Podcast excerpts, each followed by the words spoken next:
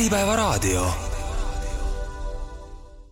eetris on saade E-kaubanduse areng ja tulevik e. e-kaubanduse elamused Eestis ja Euroopas viib kohale TPD tere tulemast kuulama saadet E-kaubanduse areng ja tulevik. seekordses saates võtame luubi alla kliendi teekonna e-poes ning käime läbi erinevad etapid, millele e-kauplused peaksid tähelepanu pöörama oma e-poodi arendades. selleks oleme saatesse kutsunud Vau Digitali turundusstrateegi Anni Parksepa, tere Anni! Tere, väga tore, et mind kutsuti, sest teema on ju väga-väga huvitav ja sellega on võimalik minna väga-väga sügavuti Äh, vaatame, kui sügavuti me järgmise neljakümne viie minuti jooksul jõuame minna. saade valmis koostöös pakiveoettevõttega TPD ning mina olen saatejuht Kuldar Kulassepp Maksekeskusest. Anni, alustame kõigepealt äh, kõige värskemast, siin äh, loetud nädalapäevad tagasi kuulutati välja Eesti inimeste lemmik e-poed, seda konkurssi on Eesti E-kaubanduse Liit koostöös Delfiga korraldanud juba õige mitu aastat ja sel korral võidutses Weekend. lisaks nii-öelda peatiitlile Äh, tunnustati teisigi poode erinevates kategooriates. sa oled kindlasti vaadanud neid äh, võitjaid, äh, neid e-poode. mis sul nende puhul silma on jäänud mm? -hmm jah, ikka olen vaadanud Grand Prix võitja puhul jäi tegelikult kohe silma see, et Weekend ilmselt ei ole esimest korda seda tiitlit võitnud. et ma mäletan ise ka, et tegelikult nende e-poodi on ka varasemalt tunnustatud. järelikult nad teevad midagi väga õigesti et äh, enda klientidelt sellise tiitli on ära teeninud. ja tegelikult, kui seda võitjate nimekirja vaadata, siis seal on ju ka teisi, ütleme siis väga suuri ja tuntud nimesid, äh, mitte siis ainult e-kaubanduse valdkonnast, vaid kaubandusest laiemalt. aga võib-olla tore minu jaoks isiklikult oli näha ka täiesti uusi e-poode mm. -hmm. et noh, minu perspektiivist uusi, kes ei ole siis võib-olla nii suured või tuntud, et kasvõi näiteks ilukategooria võitja hetkel küll nimi meelde jäänud aga see on lihtsalt ka ju, äh, see on see valdkond, kus konkurents on tegelikult väga suur mm -hmm. ja mhm. tihe ja kus turul on juba väga palju selliseid äh, e-poode, kes siis müüvad väga laia tootevalikut või siis, kes on väga tugevad äh, kohalikud brändid, et kindlasti sellises kategooriaks, kategoorias võitjaks tulemine on, on üsna suur, suur saavutus sa, sa ütlesid, et äh, Weekend'i puhul, et, et ju nad midagi teevad õigesti, et, et seda tunnustust juba mitmendat korda saada ähm,. oskad sa ise arvata, mis see asi võib olla, mis nad õigesti teevad äh, turundajana kindlasti mul on oma nägemus ja arvamus, äh, aga ütlen ausalt disclaimer'ina, et ma olen ka sealt ise tellinud. et kindlasti kui sa sellele, sellele veebilehele lähed või sinna e-poodi lähed, siis Äh, esimesena sa märkad, et tegelikult äh, tootevalik on väga-väga suur mm, -hmm. väga mitmekesine, et see kindlasti mängib rolli, aga samas sa ikkagi üsna lihtsalt äh, jõuad nende toodeteni, mis sind konkreetselt huvitavad. et seal neid tootekategooriaid on palju, aga samas seal on ikkagi kõik väga hästi leitav ja siis ostuprotsess on ka ikkagi üsna nagu lihtne ja mugav, et äh, kui ma tahan tellida endale saapaid pakiautomaati, siis ei küsita mu käest mingisugust ebavajalikku lisainfot, et mm. mis on mu korteri ja maja numbrid jah, selle check-out'ini me, me jõuame ka ja üks asi, mille ma ise Weekend'i puhul välja tooksin, mis on juba paar aastat muidugi olnud, kui nad sellega tulid, on see võimalus äh, jalatseid proovida ja siis ja, tagasi saata ja, ja maksta just. ainult nende eest, mis sa jätad mm -hmm, ja just. et, et see on nagu niisugune kliendi, just selles kategoorias selle kliendi kogemuse seisukohast nagu kaunis ainulaadne asi Eestis ja no ilmselgelt ja, sellega ja, sa võid lippu lehvitada jah, et ma ka praegu ei tea, et ükski teine pood pakuks äh, sellist võimalust, see võib lihtsalt ka olla minu enda piiratud mm -hmm. teadmine. aga tõesti jah, Eestis ma arvan, nad on ainulaadsed selle, selle kogemuse pakkumisega ka kui nüüd äh, mõelda natukene laiemalt, et äh, seda, seda auhinda on välja jagatud pikemat aega ja elu ise on ka juba iga aasta ikka areneb, et, et kas need märkamised, äh, mis teevad heast e-poest hea e-poe, on kuidagi viimastel aastatel muutunud ka või milliseid trende sa välja tooksid, millel siis, tänu millele e-poed, kes neid trende siis paremini ära oskavad kasutada, nagu, nagu edu saavutavad mm? -hmm siin on võib-olla kaks vaatepunkti, et üks ongi selline ettevõtte vaade ja teine on see kliendi vaade et äh, mis siin viimaste aastate jooksul kindlasti on juhtunud, on see, et äh, just sellest korio-, koroonaperioodiga, perioodiga ju tegelikult väga paljud äh, ärid kolisidki digisse mm. -hmm. et väga kiirelt tekkis see vajadus üldse e-pood püsti panna. ja, ja kindlasti sellega seoses on ka hakatud rohkem üldse digiturundusse panustama ja siis reaalselt nägema seda digiturunduse vajalikkust ja kasu. ja võib-olla siis kliendi poole pealt tooksin välja selle, et et ettevõtted ongi ja e-poe pidajad on väga-väga teadlikuks muutunud ka kliendi ootuste osas, et ähm, on teada, et inimesed tahavad kiirelt pakke saata, tahavad erinevaid äh, makselahendusi, kõik, kõik sellised asjad, loomulikult ka klienditeenindus, et äh, siin võib-olla viis aastat tagasi ei olnud väga palju neid e-poode, kus oleks olnud võimalik näiteks kohe äh, reaalajas inimesega suhelda mm. -hmm klienditoega suhelda, et ma mõtlengi siin siis neid kõiksuguseid chat imise võimalusi. Ja täpselt samamoodi need tööriistad arenevad ka. ja jooksis mõte kokku et ühesõnaga turundus, turundusse osatakse rohkem panna võib-olla digiturundusse, et need, kes on e-poodidega aktiivselt tegutsemas, nad oskavad neid, neid trende selles mõttes nagu ära kasutada, et mis on, mis on ka turunduses poodi inimeste meelitamisel, et, et küsimus ei ole mitte ainult selles, kuidas sa oma poodi teed, vaid kuidas sa sinna nagu inimesed saad, on ju just nimelt äh, jah, et siin ongi kaks osa, et äh, kuidas sa inimese poodi saad, et see on hästi suur väljakutse tegelikult. ja teine väljakutse on see, et kuidas sa saad siis selle poes oleva inimese ostma mm. või kuidas ta tegelikult ostuni võiks jõuda see kõik kokku äh, ja, ja see on veel laiem, aga see kõik kokku tulebki sellise termini alla nagu kliendi teekond, millest me, millest me täna räägime. Sa ütlesid, et üks asi on jah e-poe klienti poodi meelitada, siis ta tuleb seal ostma saada, aga kust sinu hinnangul see teekond nagu e-poe pidaja jaoks üldse tegelikult pihta hakkab, sest oluline on ikkagi see asi nagu enda jaoks läbi mõelda, et äh, mis hetkel klient on see, keda ma saaksin potentsiaalselt hakata kõige paremas mõttes mõjutama. Mm? -hmm võib-olla teekond on lihtsalt selline hea tähistaja, aga teekond iseenesest on pigem midagi väga lineaarset, aga me teame, et äh, et täna kindlasti lineaarne punktist A punkti B ei ole see, kuidas inimene jõuab siis mingisugusest soovist või vajadusest ostuni. et see on pigem selline äh, entroopia, kaos, kuna lihtsalt kanaleid on väga palju infokanalite mõttes, aga ka ostukanalite mõttes, et äh, ega väga paljud e-kauplejad tegelikult ju tegutsevad ka nii-öelda füüsiliste kauplustega mm. -hmm ja siis loomulikult kliendi poole pealt tuleb veel mängu see, et on ka väga palju erinevaid seadmeid. et äh, võib-olla mobiil on see, kus ma saan selle esimese impulsi, aga mingil põhjusel ma ostu ikkagi tahaksin teha arvutist mm. -hmm. Et äh, kindlasti on ka väga suur väljakutse kõikide nende erinevate nii-öelda puutepunktide siis kokkuviimine ka. et saadagi aru, kust inimesed jõuavad, kuidas, miks.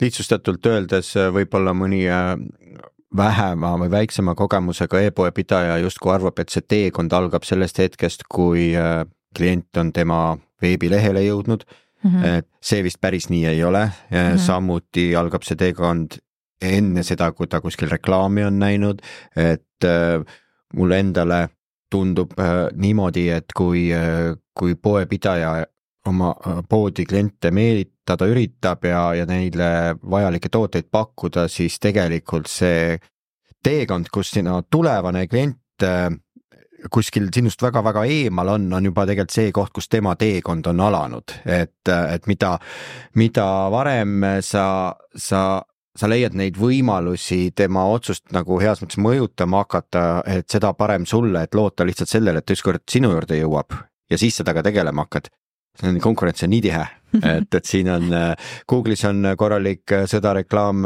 reklaamide kaudu märkamiste peale. samuti on nagu väga palju poode eri, mõnes kategoorias tohutult palju, et, et hakata nagu kliendiga tegelema siis, kui ta on su domeeni sisse tippinud, et siis on vist lootus, või noh, ei ole hilja, aga, aga noh, teekond algas varem jah, et kindlasti see kaardistamine tuleks teha varasemalt, et võib-olla, võib-olla me siis peaksime pigem teekonna asemel rääkima kliendi nii-öelda erinevatest faasidest või sellistest puutepunktidest mm, -hmm. oleks isegi võib-olla õigem selles mõttes, et et kui sa küsidki näiteks, et kust algab e-poe kliendi teekond, siis see võib tegelikult hoopis see ei pruugi isegi digis alata mm, -hmm. see võib ju alata ka hoopis kaupluses. Et võib-olla kõnnin kuskilt vaateaknast mööda, konkreetses kaupluses võib-olla mida iganes ma sealt parasjagu vajan, ei pruugi seda toodet olla, mis tähendab, et järgmine loogiline koht on see, et ma lähen vaatan e-poest mm. -hmm. see on lihtsalt üks näide. Äh, samas need teekonnad võivad ka alata sotsiaalmeediast, seal nähtud reklaamidest, äh, sõprade soovitustest, influencer itest, Youtube'i reklaamidest, et äh, kõik, kõik, mis on meie ümber. et ega tihti räägitakse turunduses sellest perspektiivist, et, et turunduse ülesanne on aidata siis inimesel lahendada mingi probleem selle toote või teenusega, aga samas kõik tooted või teenused ei ole otseselt sellised, et nad lahendavad mõnda probleemi või valukohta. et need on siis need tooted või teenused, mida me vajame, aga siis tegelikult on ka väga palju neid tooteid ja teenuseid, mida me lihtsalt soovime. Mm. Sest inimesed ei ole ainult, ainult ratsionaalsed, et seal seda irratsionaalset komponenti on väga palju sina kui turundusstrateeg äh, oma klientidega töötades ja maailmas toimuvat jälgides, äh, sa mainisid siin influencer eid, sa mainisid sotsiaalmeedia reklaame, otsingureklaamid, mida sa näed, mis täna nagu see, äh, kui me võtame niisuguse B2C keskmise brändi, mitte, mida muidugi ei ole olemas, on ju, keskmine kategooria, aga, aga et mida sa näed, et täna nagu kõige paremini töötab, kui me räägime jah, nagu lõpptarbijale suunatud kaubandusbrändist? -hmm, no see ikkagi, ma tahaks öelda, see on küll hästi mitteoodatud vastus, aga see sõltub mm. et see ikkagi sõltub sellest konkreetsest äh, tootest. aga reaalsus on see, et äh, kui me räägime siin Eesti kontekstis, siis jah, otsing, otsinguturundus on endiselt väga oluline. Äh, sest esiteks seal sa püüad kinni need inimesed, kes juba vajavad või ise otsivad sinu toodet või teenust. et see tegelikult sellise mm, uue kliendi nii-öelda saamine või kasvatamine enda jaoks on ju väga kulukas, kui sa pead neile väga mm. palju bänne reklaami tegema ja veenma neid, et neil on vaja seda, mida sa pakud. et siis tegelikult otsinguturundus, äh, ma mõtlen siinkohal nii Google'i reklaame kui ka SEO-d ehk siis oma veebilehe mm. optimeerimist nendele märksõnadele, mida inimesed otsivad. et see on kindlasti väga oluline, sest äh, sealt tulevad äh, need e-poe külastajad, kellel tegelikult ostumotivatsioon on juba kõrgem aga loomulikult, kui me jääme ainult selle juurde, et kes praegusel hetkel vajab toodet või teenust, et siis see ring jääb üsna väikseks, et siis tegelikult tuleb ikkagi minna nii-öelda sellesse laia maailma või avalikku ruumi ka. ja ma võin öelda, et äh, tõenäoliselt äh, täiesti keskmise ettevõtte jaoks Facebooki reklaam on see, mis ikkagi toimib ja aitab tuua uusi külastajaid ja tegelikult aitab tuua ka uusi kliente ja kui me liigume nii-öelda kliendi teekonnal sellest faasist edasi, et kliendi teekond tegelikult ju ei lõppe ostuga mm, -hmm. et siis sotsmeedia on ka see koht, kus me siis saame seda suhet nii-öelda edasi hoida ja arendada sa mainisid veel Facebooki, päris palju räägitakse, et Facebook hakkab nagu oma tähtsust nagu kaotama, et seda sa veel praegu täna Eestis ei näe no ma olen seda juttu juba mingi kümme aastat ilmselt kuulnud see on seesama jutt, et print kaob kohe ära jah, jah, et siin aeg-ajalt nagu tulevad mingid jutud, et kuidas meiliturundus on surnud, kuidas seo on mõttetu või siis teiselt, teisest perspektiivist, kuidas äh, Google'i reklaam on mõttetu mm. -hmm. aga reaalsus on ikkagi see, et mida mina täna näen Äh, ja olen aastaid näinud, et äh, Facebooki reklaam on ikkagi see, mis toob tulemust ka et äh, eks ta olenebki kategooriast on ju, sihtgrupist, mida müüd, et noh, selge on see, et kui sul on nagu sihuke noorem publik, et siis äh, ilmselt on võib-olla TikTok nagu vähe, vähe õigem koht, kus mm -hmm. olla äh,. siis äh, samas, kui sa oled võib-olla veidikene noh, siukse keskealisele on ju, et siis on, siis on võib-olla Facebook, et ühesõnaga see on sihuke äh, proovimise ja mõõtmise ja järelduste tegemise asi? jah, kindlasti, et mina turundajana olen ise alati seda meelt, et äh, peabki tegelikult katsetama, sest et kuidas sa muidu tead, mis äh, töötab. ja, ja ma arvan, et teatud aja tagant on mõistlik ikka ja jälle uuesti katsetada neid asju, mis võib-olla kunagi ei toiminud, et see mm. võib ka ajas muutuda. aga kui rääkidagi nendest kanalite paljususest ka, et tegelikult ma näen küll, et see on täna Eesti turundajatel ka suur väljakutse, et nagu kanaleid on ka juba nii palju et, et neid nii-öelda kvaliteetselt hallata on täiesti eraldi väljakutse. ja kuna minu käest on ka ikkagi üsna palju küsitud, et aga äkki me peaksime olema Tiktokis mm, -hmm. siis ma tegelikult olen uurinud ka, et ikkagi see kasutajaskond nendes erinevates sotsiaalmeediakanalites on üsna, üsna kattuv. et Eestis kõige lihtsam, kõige suurema hulga publikut sa saad kätte ikkagi Facebookist mm. -hmm. lihtsalt inimesed kasutavad seda võib-olla teistmoodi, et Mm, võib-olla ise enam nii palju ei postita, nii palju ei kommenteeri. aga, aga seal on tekkinud mingid täiesti uued kasutused, näiteks äh, grupid mm. -hmm. et kui ma mõtlen kasvõi turundushuvilised ilmselt teavad päris mitut äh, turundusgruppi Facebookis, et äh, sellised asjad toimivad ja ma ikkagi näen, et reklaam täna ka toimib. mitte, et sealt tuleb lihtsalt palju toredaid inimesi, kes lehe peal ringi mm -hmm. vaatavad, vaid et sealt tegelikult tuleb ka oste pluss ka ju see, et see, need ütleme, need loovlahendused platvormiti saavad olla väga erinevad, et see, mis töötab TikTokis, ei tööta Facebookis, sest mm -hmm. on olemuslikult teine asi, on ju, et, et siis tulebki nagu vaadata, mis, mis see kõige, kõige sobivam on. aga oletame, et e-poodnik on nüüd äh, oma kampaaniad edukalt ellu viinud ja tekitanud oma kodulehele niisuguse meeldiva traffic'u, et, et äh, räägime, räägime nüüd sellest, et äh, kuidas seda klienti või tulevast klienti e-poes niisuguses meeldivas liikumises hoida, ehk et äh, millist, milliseid, äh, millist rolli ja, või milliseid võimalusi, ütleme, pakub äh, e-poe veebilehel selline kasutaja teekonna jälgimine, et kuidas sa soovitad nagu sellesse teemasse suhtuda mm? -hmm. ma arvan, et see on kindlasti teema, millega peaks tegelema, sellepärast et turundus ju tegelikult algab ikkagi enda kliendi tundmisest ja see on nagu tihtipeale see, mida ma võib-olla näen, et on puudulik, et äh, kui küsida, kes on sinu klient, siis vastus on mehed, naised, kaheksateist kuni kuuskümmend viis pluss. Mhm. aga, aga paratamatult enamus ettevõtetel siiski ei ole nagu sellist eelarvet, et äh, kõiki neid inimesi katta. et kuidagi sa pead ikkagi looma teatud kliendi persoonad ja siis äh, nende vajadustele vastavalt ka enda äri arendama. et et äh, tegelikult noh, on ju inimesed, kelle, kes ostavad alati kõige parema ja kõige kallima toote, siis on neid, kes otsivad alati parimat diili just hinna mõttes. Äh, on inimesi, kelle jaoks võib-olla hind ei olegi oluline, aga neil on vaja kiirelt saada. ja siis on inimesi, kes tegelikult on nõus maksma selle eest, kui pakend on ilus või mm, -hmm. või brändiga neil on mingisugune emotsionaalne side aga sa kirjeldasid nagu väga erinevaid võimalikke persoonasid, noh, nende loomiseks on erinevaid võimalusi, sa võid teha erinevaid intervjuusid, sa võid, sa võid neid ka noh, no võib-olla on see natuke enesepetmine, aga noh, sa võid ka üritada ise neid välja mõelda, on ju, aga, aga kui ta veebilehele tuleb, siis kuidas sa siis tuvastad, et et tema on nüüd see, tema on nõus rohkem maksma, tema on see, kes tahab vaadata, mis on kõige suuremad allahindlused, et mhm, kas sa noh, selline kasutaja äh, autentimine väga varajases faasis võib ka tekitada niisuguseid tõrkeid. Mhm.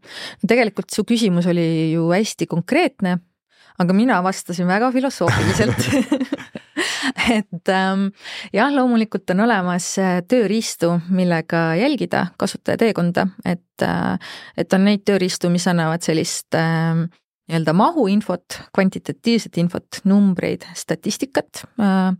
Näiteks Google Analytics on üks, üks lihtsamaid. et seal on võimalik need erinevad kasutaja teekonnad nii-öelda välja joonistada ja neid analüüsida et siis nähagi, et äh, millised on need etapid veebilehel, kus inimesed ära kukuvad. Mm.. aga tegelikult äh, analüütika kui selline annab sulle numbrid, ta annab sulle nii-öelda faktid, aga ta ei ütle kunagi, mis nende faktide taga on. et siis tegelikult oleks ikkagi vaja juurde sellist äh, kvalitatiivset andmestikku ka, et siinkohal võivad näiteks sobida kliendiküsitlused. Või siis, kui on näiteks mingisugused väga suured brändi fännid, et siis neid võib mm. isegi kutsuda nii-öelda koha peale miks mitte lasta neil teha mingisuguseid teste, anda ülesandeid, liiguvad veebilehel ringi, annavad konkreetset tagasisidet, mis sobib, mis ei sobi. aga, aga jah, et äh, kindlasti on nagu variante mõlemaks. kui palju seda liiklust peaks veebilehel olema, et, et sihukest kvantitatiivset äh, datat nagu koguda, et kui, kui palju sul seda infot peaks olema, et selle põhjal oleks nagu tehtud järeldused, oleks nagu adekvaatsed, et kui sa mm -hmm. oma alustad oma e-poega ja sul on kolm külastust äh, päevas. Äh, kui palju sa peaksid teda ootama, et, et sul seda andmestikku tuleks piisavalt palju, et selle põhjal need äh, tehtavad muudatused nagu päriselt ka oodatud tulemust annaks mm? -hmm. ja see on väga õige küsimus tegelikult, sest noh, nagu me teame, mida väiksem valim, seda suurem on see hälve, et tegelikult see võiks ikkagi olla selline tuhat, tuhat külastajat. tuhat sessiooni, mille ja. hulgast hakata mustreid otsima. jah, aga jah, aga samas ei tasu nagu väga ma arvan, seda juuksekarva lõhke ajada ka nende mustrite ja kõikide asjade tuvastamisega, et äh, kui me tegelikult mõtleme, millised on nii-öelda need äh, soovitused kliendisõbraliku ja hea e-poe jaoks, siis need on nagu hästi ühelt poolt inimese psühholoogiast lähtuvad, katavad tegelikult neid väga erinevaid kliendi persoonasid ka või neid isiksuse tüüpe või klienditüüpe ja, ja teiselt poolt need võivad ka igal äril olla väga omaspetsiifilised, et siis tuleb see info juba võib-olla sisse näiteks ma ei tea, kasvõi näiteks kauplustest, oma tiimist, mm, miks mitte nendest samadest kliendi chat idest, mida me siin mainisime, et tegelikult äh, info liigub ikkagi kogu aeg, aga pigem ongi probleem see, et äh, noh, probleem ei ole see, et infot ei ole, vaid probleem on see, et meil on infot ikkagi väga palju, et me isegi ei jõua selle kõigega midagi ette võtta tegelikult. Ehk et äh, mõelda oma, oma ettevõttes läbi see info nii-öelda sihuke süstematiseerimise kord, et nagu sa mainisid, üks on see, et sul võib olla klienditeenindus, mis on äh, retail poes mm, -hmm. äh, kes saab üle leti mingit mm -hmm. infot, võib-olla ta saab seda tagasisidet kuskil äh, äh, nende äh, poes lihtsalt klienti nõustades on ju. teine asi on klienditeeninduse chat on ju, et, et kui need jäävad nagu kõik eraldi mm, -hmm. siis, sest noh, see, see on tore, et sul need on, aga sa ei tee midagi, et, et nende andmetega, et, et pigem ikkagi see, et nagu mõelda enda jaoks läbi see, et kuidas talletada seda ja kuidas süstematiseerida seda infot, et see oleks nagu äh, inglise keeles on see actionable on ju, et, et sa saaksid teha midagi selle pealt, et, et, et seda seda öö, omast noh, erinevatest kogemustest on, on näha, et väga lihtne on ühest küljest öö, hakata reageerima üksikjuhtumitele mm, -hmm. üritada hakata parandama midagi, sest et keegi häälekalt väljendas seda ja, ja tegelikult see oligi tema personaalne küsimus ainult on ju. või siis teine asi on jah see, et sul jääb süstematiseerimata ja sul jääb tegelikult mingi oluline märkamine märkamata, sellepärast et sul ei ole seda rütmi mm, -hmm. kuidas seda, seda andmestikku kokku koguda jah, ega selles mõttes kõikidele sa nagunii ei saa meeldida või kõikide inimeste vajadusi ja soove sa nagunii ei saa rahuldada, et siin lihtsalt tulevad ka mingid ärilised nii-öelda mm, -hmm. ma ei tahaks öelda põhimõtted, aga mingeid asju ei ole mõistlik teha ka lihtsalt ärilisest perspektiivist. et paratamatult Eesti on ka nii väike turg, et sa ei saa siin teha lõpp, lõpmatuseni erisusi mm. -hmm. aga mis siis selle kogu kliendi teekonna mõttes võiks olla oluline, ongi võib-olla siis lihtsam on võtta kolm erinevat faasi, et on nii-öelda see eelnev faas sellele, kui inimene üldse veebilehele jõuab, kaardistada ära, mis on kõik need võimalikud kanalid ja kohad, kus see nii-öelda esimene puutepunkt või interaktsioon võiks olla. Ähm, noh, siin võib näiteks olla kasvõi see, et äh, kui ettevõttel on Google'is nagu halb review, siis hmm. ma juba noh, see tee nagu sureb või lõpeb või, või nii-öelda läheb sügavikku, ehk siis klient sealt edasi ei jõua siis kindlasti teine oluline faas äh, sellel kliendi teekonnal on, on see, kui ta on seal veebilehel. et see on see koht, mida sa saad ise tegelikult ju kõige rohkem kontrollida, sa saad kontrollida oma kanaleid ja, ja sinna alla siis lähevad kõik see nii-öelda toodeteni, õigete toodeteni jõudmine, kui ka tegelikult kogu ostuprotsess ja see nii-öelda jooksev klienditeenindus äh, kuni selle ostmiseni välja ja siis nii-öelda see kolmas faas on siis, et kui see klient on ostu ära teinud, et mis sa siis temaga edasi peale hakkad. et kuidas sa seda suhet edasi hoiad ja arendad mm. -hmm sa tõid väga hästi välja need kolm etappi õigupoolest me sellest esimesest etapist juba rääkisime, et seda esmast tähelepanu saada, et, et inimene poodi saada. Äh, natuke rääkisime ka e-poest endast, äh, selle, selle võib-olla sihukestest peamistest ülesehitust mõtetest, aga, aga ma puudutaks seda nüüd korra nagu täpsemalt ja küsides samas kohe nagu võib-olla kahest erinevast äärmusest, et e-pood on väga erineva suurusega, on mm -hmm. neid, kes müüvad ühte toodet, on neid, kes müüvad kümmet toodet ja neid, kes müüvad kümmet tuhandet toodet. et äh, viimasel ajal äh, meie maksekeskuses oleme märganud, et on kasvanud nende poodide hulk, kes müüvad ühte toodet ehk et äh, kipuvad olema ilmselt siuksed dropshipping poed, äh, kuskilt äh, leitud mingi huvitav toode Hiinast, mida siis bränditakse. kui nüüd sihuke pood teha, siis millised on nagu sinu soovitused selle poe ülesehitamisel, kui sul tõesti on pakkumisel üks või kaks toodet ainult mm? -hmm. siis ma arvangi, et see nii-öelda see pood kui selline on vähem oluline, et siis see tooteturundus peaks olema hästi tugev, et see pood peaks olema tegelikult väga tootekeskne Versus siis võib-olla sellised, kui me vaatamegi suuri e-kaubamajasid, mis müüvad nagu väga palju erinevaid kategooriaid, kasvõi seesama Weekend või, või Kaup24 mm. -hmm. et seal on kindlasti see bränd, bränd väga oluline. ja kui see bränd on usaldusväärne, kui nad kommunikeerivad mulle just selle konkreetse e-poe nii-öelda eeliseid, võib-olla mingite konkurentide ees, siis äh, küll ma need õiged äh, tooted sealt endale korvi panen mm. -hmm. aga samas, kui on selline ühe või väga väheste toodetega e-pood, siis on nagu päris keeruline, kuidas siis sinna üldse tekitada piisavalt äh, käivet. ja sellisel juhul ma arvangi just see toote ümber peab see kõik keerlema, et äh, kopid, pildid. just, just, testimonial'id ehk siis nii-öelda klientide tagasiside mm, -hmm. kõik sellised asjad on üliolulised. et siis sa müüd ikkagi toodet, et võib-olla selline suur e-pood peaks rohkem rõhku panema just enda brändile ja väike e-pood äh, pigem nende toodete erilisusele või, või unikaalsusele või sellele väärtusele, mis see konkreetne mm. toode pakub mm. -hmm. sa mainisid äh, jah, Weekend'i, Weekendil on tuhandeid tooteid, Kaup24-l on kümneid tuhandeid tooteid mm. -hmm kuidas on tarbija käitumine sellistes suurtes poodides viimasel ajal, viimaste aastate jooksul muutunud, sest võib nagu noh, suht kindlalt eeldada, et äh, viis aastat tagasi näiteks juba ainuüksi tehnoloogiline võimekus selliseid poode noh, luua ja seal niisugust normaalset äh, kliendi liikumist juhtida oli oluliselt erinev, kui ta täna on. et, et millised need viimase aja trendid on, mis puudutab just seda, et kuidas tarbijad nendes poodides käituvad, mida nad ootavad, kuidas ta selle ostuni lõpuks jõuab ja kas, kas aega on kaupmehel rohkem või vähem? Ma arvan, et see viimane küsimus oli eriti hea aja kohta.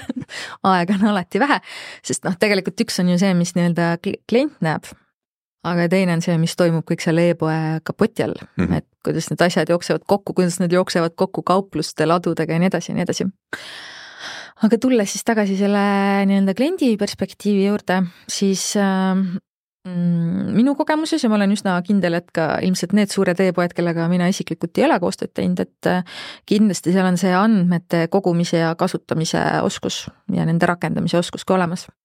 et nagu siin enne ka mainisime, et neid tööriistu on tegelikult väga palju millega siis äh, tekitada endale see arusaam, mis, äh, mis need inimesed su poes teevad, et see võib olla kõige lihtsam Google Analytics, aga mm. samas on ka noh, Eestis võib-olla ka üks nimetatumaid on Hotjar on ju, millega mm. sa saad ka veel nii-öelda infot juurde, saadki vaadata reaalselt, mida inimesed klikivad, kus nende tähelepanu läheb ja nii edasi, kus nad ära kaovad ja, ja nende teadmiste rakendamine. Äh, mis ma ise olen ka tähele pannud just mida on viimasel ajal ka rohkem hakatud e-poodides pakkuma, ehk siis ma olen aina rohkemates e-poodides näinud, on ka need erinevad makselahendused tegelikult mm. ja ma ei mõtle siin ainult nagu seda maksemeetodit, vaid, vaid ka näiteks sellist võimalust, et äh, maksa mitmes osas mm, -hmm. et võib-olla vaatad, et mm, tore asi, aga ma ei tea, kuu on suht läbi ja uus palgapäev on veel kaugel.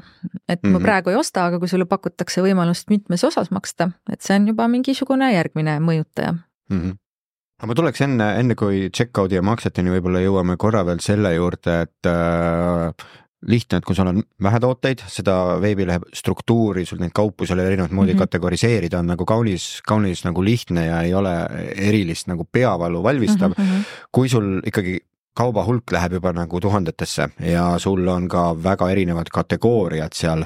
et ähm, kas siin on mingeid kuldreegleid, mida jälgida, et kuidas seda struktuuri nagu üles ehitada nii, et sul lõpuks ei leia ennast olukorrast, kus nagu mõnda toodet pole keegi mitte kunagi näinud ja, ja, ja mõnda näevad kõik, aga ei osta keegi, et. ja nii kindlasti juhtub ka päriselt et võib-olla oluline ongi aru saada sellest äh, nii-öelda kliendi vaatepunktist, et mitte selle järgi mõelda ja üles ehitada seda struktuuri, mis sul on laos ja kuidas sinul on asjad süstematiseeritud kauplejana vaid mõeldagi mm, kuidas nii-öelda tarbija peas on see loogika ja see toodete struktuuripuu ka.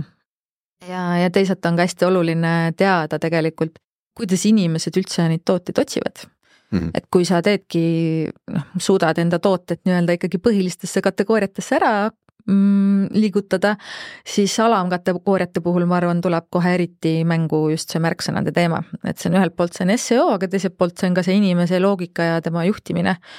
et kui sa kasutadki näiteks mingisuguseid selliseid äh, mõisteid või selliseid väljendeid, mida tegelikult klient ise ei kasuta, siis ta tõenäoliselt ei leia või ei jõua ka sinu toodeteni ja, ja, ja ka nii-öelda siis patt, mida ma olen ka näinud, et tehakse võib-olla liiga detailseks struktuur mm. -hmm. et kui, et kui see näiteks menüü on e-poes ikkagi nii suur, et ta juba hakkab sul sealt ekraanilt nii-öelda väljuma, et sa pead hakkama ketrama seda, et siis see on ka tegelikult märk, et sa peaksid mõtlema läbi ja süstematiseerima neid kategooriaid samamoodi no kas, kas see soovitus võib olla meelevaldne, aga mulle nagu isiklikust kasutusest praegu tunduks, et ma olen nõus äh, valima peakategooria ja heal juhul olen ma nõus valima ühe alamkategooria, sealt mm -hmm. enam allapoole ei tahaks minna. tundub nii? Äh, et kahetasandiline? maksimaalselt. see veidike ikkagi jällegi oleneb ka sellest konkreetse e-poe spetsiifikast, et noh, tõesti, kui on mingisugune ma ei tea, mis ma toon siin praegu näiteks, kui on näiteks ehtepood, siis mm -hmm. seal võib-olla noh, jah, sa tõesti ei peagi nii nagu niivõrd detailseks seda kõike ajama mm, -hmm. aga teisalt, kui sa tõesti müüd väga palju erinevaid asju ja need kategooriad on väga suured, noh, ma ei tea, näiteks rõivad mm, -hmm. siis seal on see äh, eristamise võimalus nagu väga suur, aga noh, jah, jällegi tuleb nagu mängu see, et kas inimesed siis tegelikult jõuavad nende kategooriateni või mitte ja, ja noh, tegelikult kui me mõtleme ka selle peale, et kui näiteks sina ei viitsigi seal struktuuripuus ennast nii palju ringi klikkida, siis teistpidi see tähendabki see, et üks on nii-öelda see menüü, kust inimesed liiguvad ja siis kuidas me saame eh, e-kaubanduses veel inimesi aidata, et nad jõuaksid nende toodete või teenusteni, on siis see, mis sellel nii-öelda kategooria lehel on nende võimalused leida need tooted, mida nad otsivad. okei okay,, et, et panna nagu rõhku sellele, et kui eh, klient tuleb poodi, ta, tal on üldiselt, tal on vajadus olemas ja ta selle ühe kategooria, selle peakategooria ilmselt teeb valiku, sest et noh, ta teab, et ma tahan nagu pükse osta, on ju. Mhm, mhm. et, et siis mängida nagu suurt äh, rõhku sellele kategooria lehele Mm -hmm. et jah, siis tulevad mängu kõikvõimalikud äh, filtrid ja sorteerimisvõimalused, et äh, täpselt, et kui sa näiteks ostadki saapaid, et siis mis tüüpi saapaid sul vaja on, mis number, mis värv, kas materjal on oluline, tihti paljudel toodetel või paljudes e-poodides sa võid liikuda üldse nagu nii-öelda soopõhiselt, et kas sa tahad mm -hmm. naiste tooteid, meeste tooteid, laste tooteid, kas mm -hmm. sa tahad ainult teatud kindlat brändi osta. et neid struktureerimisvõimalusi on palju, aga sel juhul ongi, et kui neid tooteid on ka tõesti palju, siis siis see filtreerimise võimalus peab olema nagu hea ja kliendi jaoks relevantne ka. et noh, võib-olla kui sul on näiteks, sa müüd saapaid ja nad kõik maksavad, ütleme, ma ei tea, sada kuni sada kakskümmend eurot, siis võib-olla see hinnafilter ei ole seal niivõrd oluline, võib-olla mm -hmm. siis on mingisugune muu tootefilter tähtsam mm. -hmm sellise struktuur, noh, sellises äh, veebilehe puudes äh, ja struktuurides ja kategooriates ringi kolamine eeldab ikkagi seda, et ma ise teen neid tegevusi, ma klikin siia, ma klikin sinna, ma panen filtri siia ja tänna äh,. see nõuab nagu suhteliselt palju inimeselt äh,. kas otsing on siin see, kuhu me tegelikult liigume mm? -hmm kindlasti ja kui me mõtleme nagu kuhu poole äh, kus on need erinevad e-poe tehnoloogia suunad ja see tehisintellekti rakendamise võime, võimalus ja võimekus ka, et siis see on kindlasti otsing ka. Et äh, otsingu nii-öelda lehesisesed otsingumootorid lähevad ka aina võimsamaks, aina paremaks ja aina personaliseeritumaks mm. -hmm. et äh, kas, äh, kas täna on juba häid lahendusi Eesti e-poodides sa näinud või, või sa tead, et see tehnoloogiline võimekus eesti keele kontekstis on tegelikult olemas, et, et otsingut hakataks kasutama vaata et peamise äh, nii-öelda algpunktina poes ostlemisel mm? -hmm. Mm, ma arvan, et siin ikkagi oleneb natukene sellest kliendi tüübist ka, et kas ta pigem kasutab otsingut Äh, või ta kasutab seda struktuuripuud mm -hmm., pluss kas ta tuligi otsima mingisugust äh, nii-öelda, ta tuli väga konkreetse sooviga, ehk siis tal on juba see eeltöö tehtud, ta juba teab, et ta tahab näiteks äh, mingisugust väga kindlat telefonimudelit osta mõne tehnika e-kaupleja juurest. või siis see, et ta alles tuleb vaatama, mis, mis telefonid on üldse valikus ja mis on mingisugusel teatud brändil valikus mm. -hmm aga siis tulles tagasi selle otsingu juurde, siis äh, kui sa küsisid, siis te võite näiteks, kuulajad võivad vaadata samamoodi Weekend'i e-poodi, et vaadake nende otsingut, et äh, see on selline otsing, mis juba aitab kasutajat väga palju. Et äh, sinna tulevad juba vasted piltidega ja nii edasi ja nii edasi.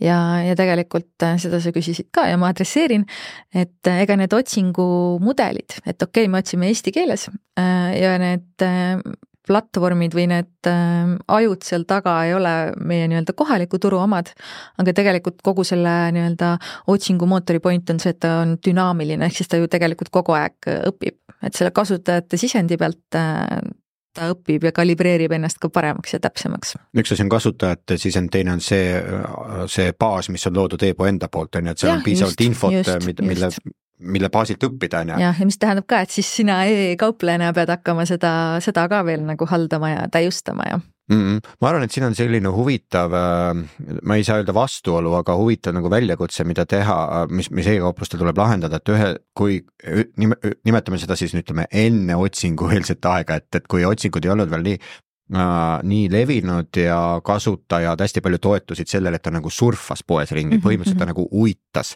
ja, ja siis seal noh, siis sai teda nügida igat moodi, et äh, natukene siit vaata seda, siit vaata seda, siit vaata toda ja, ja sai teda panna tegema oste, mida ta võib-olla ilmtingimata ei vajanud sel hetkel või, äh, või ostis rohkem kui plaanis, on ju, et, et talle lihtsalt tehti head kommunikatsiooni äh, mingite seotud toodete näol või, või midagi.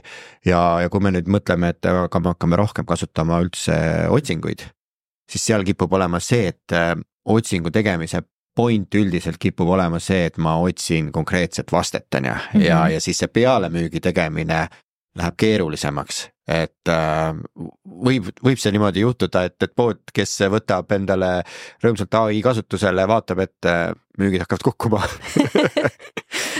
No ma ei tahaks üldse mingi äh, tuleviku ennustaja olla, aga lihtsalt minu isiklik arvamus turundajana on see, et äh, nagu ma ütlesin, siis need otsingu, lehesisesed otsingumootorid, nemad ka arenevad ja, ja tegelikult seal sa kindlasti saad ka mm, mõjutada ikkagi seda, mida, mida sa seal inimesele nii-öelda silma ette lükkad et võib-olla sul, võib-olla sa eelistad lükata mõnele inimesele natuke kallimat toodet, kes on näiteks tagasitulev klient mm. -hmm. samas kui võib-olla teisele sa pigem lükkad sinna ettepoole mõne soodustoote mm. -hmm. ja siis ega tegelikult see interaktsioon ju seal otsingus ei lõppe. et ma lähen edasi tootelehele, ma lähen edasi ostukorvi, checkout'i, et tegelikult need on ka kohad, kus siis saab teha juurdemüüki, ristmüüki tegelikult ja miks mitte ka siis, kui see esimene ost on nii-öelda tehtud või, või lõppenud, et äh, sealt avaneb ju veel nii-öelda terve, terve maa edasi, kuidas seda suhet edasi hoida ja kuidas siis veel inimesele lisamüüki teha. Mm.. kui palju sa ise kasutad oma töös äh, chat-GTP-d või, või Google Gemini'd, kes on enne, enne see vana nimega Bard, et äh, ja see on väga huvitav teema ja loomulikult ma teen ikka ka sõitu nende tööriistadega, et see on lihtsalt ka nagu sihuke inimlik äh, huvi mm., et äh, mida nad oskavad ja nii edasi. aga lihtsalt minu võib-olla selline isiklik äh, kasutusviis on pigem nagu assistendina mm. -hmm et kui on vaja nagu midagi süstematiseerida või minul endal lükata nii-öelda käima mingisugune mõtlemisprotsess mm. -hmm. et ma lasen talle anda mingisuguse esmase sisendi ja siis ma töötan ise sealt edasi mm.. miks ma seda küsisin, on see, et ma lihtsalt enda puhul olen märganud äh, seda, et ma olen äh, üha rohkem hakanud teda asendama tegelikult nagu Google'i otsinguga mm. -hmm. et kui ma vanasti Google'i otsingus, sa ikkagi otsisid Google'i otsingus, panid oma märksõnad sisse ja siis sa noh, noh siis sa scroll isid ja vaatasid, mis mulle tundub kõige relevantsem vaste. et äh, äh, eriti siis see äh, Google'i see uus Gemini tundub mulle vaata et parem sellepärast et ta vastab mu küsimuse ära, ma ei pea kuhugi minema ja, ja, ja ma näen lihtsalt juba seda, kuidas see hakkab mõjutama seda kogemust, kuidas ma hakkan poes ostma mm. -hmm. ehk et äh, ma läheksin poodi, ütleks, et mul on vaja sinist pusa mm -hmm. suuruses äh, M suuruses ja lukuga.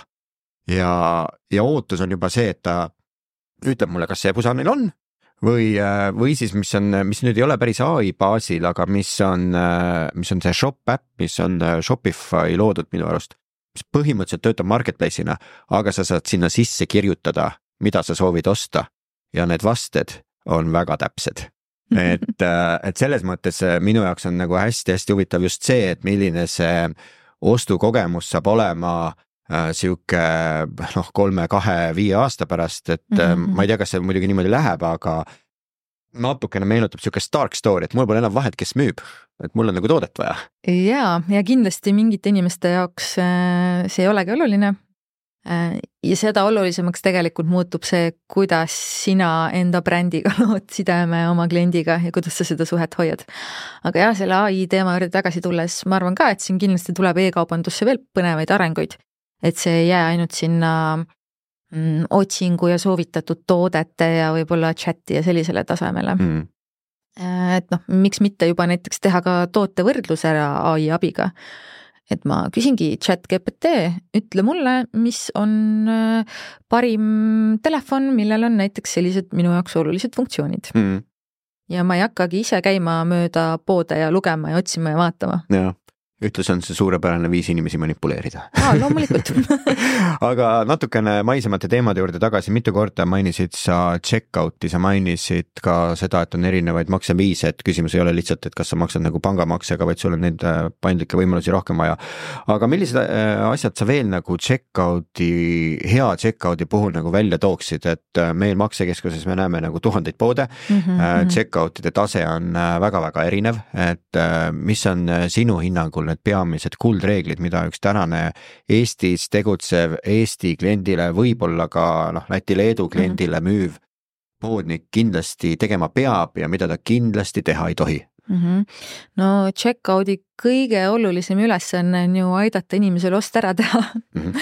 ehk siis äh, kõikvõimalikud tõkked võiks selleks eemaldatud olla, et noh, kõige lihtsam näide on kasvõi see, et äh, et ma ei peagi tohutult sinna checkout'i sisse trükkima mingisugust infot enda kohta, mida ma tean, et sul kaupmehena ei ole tegelikult vaja, et äh, mulle minu toode kohale nii-öelda saata et ma arvan, et see on kindlasti oluline, et, et kauplejad ei küsiks rohkem, kui neilt tegelikult vaja on siin on ilmselt äh, see kõige elavam näide on see, et äh, kohustusliku väljana küsida kodust aadressit, kui sa tellid pakiautomaati. jah, see on nagu üsna levinud jah see on paraku jah, üsna levinud um,. aga noh, samas jällegi väga head lahendused on siin näiteks Google Pay ja Apple Pay on ju, et mm -hmm. saad nii-öelda selle info juba automaatselt. et lihtsalt võib olla ka nii, et võib-olla näiteks mõnel poel ei ole võimalik arvet genereerida, kui mm ei ole seda koduse aadressi välja täidetud jah, et jah, et üks on nii-öelda see info pool, et me küsiksime võimalikult vähe, et ühesõnaga me teeksime inimesele kõik võimalikult lihtsaks, et ta peaks võimalikult vähe pingutama. Äh, lihtsaks selles mõttes, et äh, me anname talle kõik olulisemad võimalused see toode osta, ehk siis erinevad maksemeetodid. ja siin, nagu me siis enne mhm. rääkisime mm, -hmm. ma ei mõtle ainult pankasid, vaid ka tegelikult siis erinevaid finantseerimisvõimalusi ja loomulikult kolmas nii-öelda samm on siis see transport. et võib-olla ei ole mõistlik, et kui väljas on miinus kakskümmend kraadi, siis ma saan tellida näiteks äh, väljas asuvasse automaati mingisuguseid tooteid mm, -hmm. sest see on see koht, kus, kui ma saan selle toote kätte, siis ma olen pahane, et läbi külmunud. et mu toode on nii külmunud, et nagu ja. sõrm ei lähe sinna kreemipurki sisse ka mm. Et võib-olla oleks oodanud siis äh, näiteks äh, kauplejalt, et ta oleks mu tähelepanu juhtinud, et vali pigem mõni teine maksemeetod või vabandust, transpordimeetod jah. nojah, see on kategooriate erinev, et äh, üks pakiautomaadi võrgustiku operaator on see, kellel on sees ja, ja, ja, ja temal, tema klientide hulka kuulub väga palju siis kosmeetikafirmasid, kes, kes neid müüvad külmakartlikke tooteid, teistel on mugavuse mõttes õues, me tegime hiljuti väikse uuringu maksekeskuses, kus me küsisime klientidelt milliseid äh, tarneviise nad eelistavad mm, -hmm. noh, seda on palju uuritud mm -hmm. muidugi, andmed räägivad ka enda eest. aga noh, see ei ole mingi üllatus, et pakiautomaadid on Eestis äh, ülivõimsalt kõige enim eelistatud. mis oli meie jaoks huvitav, oli see, et me küsisime, et kas sa oleksid huvitatud äh, kulleriga kauba saamisest, kui see maksaks sama palju mm. -hmm. ja vastus oli ei. et äh, ei ole huvitatud, et ma ikkagi tahan pakiautomaati, sellepärast et ta loob mulle vabaduse Mm -hmm. et, et mhm. kuller kipub olema viimasel ajal, kes teab, helistab viis minutit ette, et nüüd ma olen siin, et, et see on ikkagi hirmutav, et, et see pakiautomaat on Eestis nagu väga-väga, noh, see on kategooriati muidugi erinev mm -hmm. ja, ja teine asi, mis meil välja tuli, oli see, et mida äh, suurema väärtusega on ostukorv, seda tõenäolisemalt soovitakse kullerit siiski. Jah, äh, tundub ilmselt turvalisem. jah, et, et, et kui sul on mingid kallid asjad ikkagi, et äh, mina isiklikult olen tellinud nutikella mm -hmm. sellesse pakiautomaati, aga, aga võib-olla jah, nagu turvalisemana tunneks, kui see kuller ära tooks selle, on ju, et meie saateaeg hakkab läbi saama, nagu me ennist kartsime, et siin saaks rääkida palju ja veel, aga kokkuvõtteks. Anni, mis sa võtaksid tänasest saatest nagu, mis sa ise tahaksid kõige rohkem esile tõsta, et kui me räägime siis niisuguse hea kasutajateekonnaga e-poe tegemisest, et äh, kolm soovitust nagu, nagu ikka küsitakse, et paneme üks, kaks, kolm paika. Kolm, kolm soovi kalalt. Ehm, jah, ega siin selles mõttes äh, küsitakse tihti siukseid küsimusi minu käest, aga siin äh, sellist ühte õiget vastust ei olegi, et võib-olla tänase teema ehk siis selle kliendi teekonna kontekstis ma tahaksingi uuesti lõpus välja tuua selle, et äh, iga ettevõte või turundaja võiks mõelda läbi, et mis on need erinevad äh, faasid tema kliendil, äh, kaardistada ära kõikides nendes erinevates faasides need puutepunktid ja siis tegelikult mõelda, kuidas iga seda puutepunkti disainida, et sul võib olla väga äge bränd tegelikult, sul võib olla väga kihvt turundus, väga mm, inspireeriv, ilus sotsiaalmeedia, superhead pakkumised, aga ütleme näiteks, kui, kui mul on väga kehva klienditeenindust mm -hmm. lihtsalt sellepärast näiteks, et ettevõtte töökultuur või ettevõtte kultuur on selline, mis näiteks inimesi ei väärtusta, et siis mõnes mõttes see on nagu sihuke kaardimaja ja üks kaart sealt kohe nagu mm -hmm. läheb vahelt välja aitäh sulle, Anni, saatesse tulemast ja nende heade praktiliste ja filosoofiliste mõtete äh, jagamise eest. aitäh teile kõigile kuulamast saadet E-kaubanduse areng ja tulevik. täna oli meil külas Vau Digitaali turundusstrateeg Anni Parksepp, mina olen Kuldar Kulassepp Maksekeskusest. saade on järelkuulatav Äripäeva keskkonnas raadio.äripäev.ee. kuulake meid jälle nädala pärast ning lugege kaubanduse valdkonna uudiseid kaubandus.ee. Kuulmiseni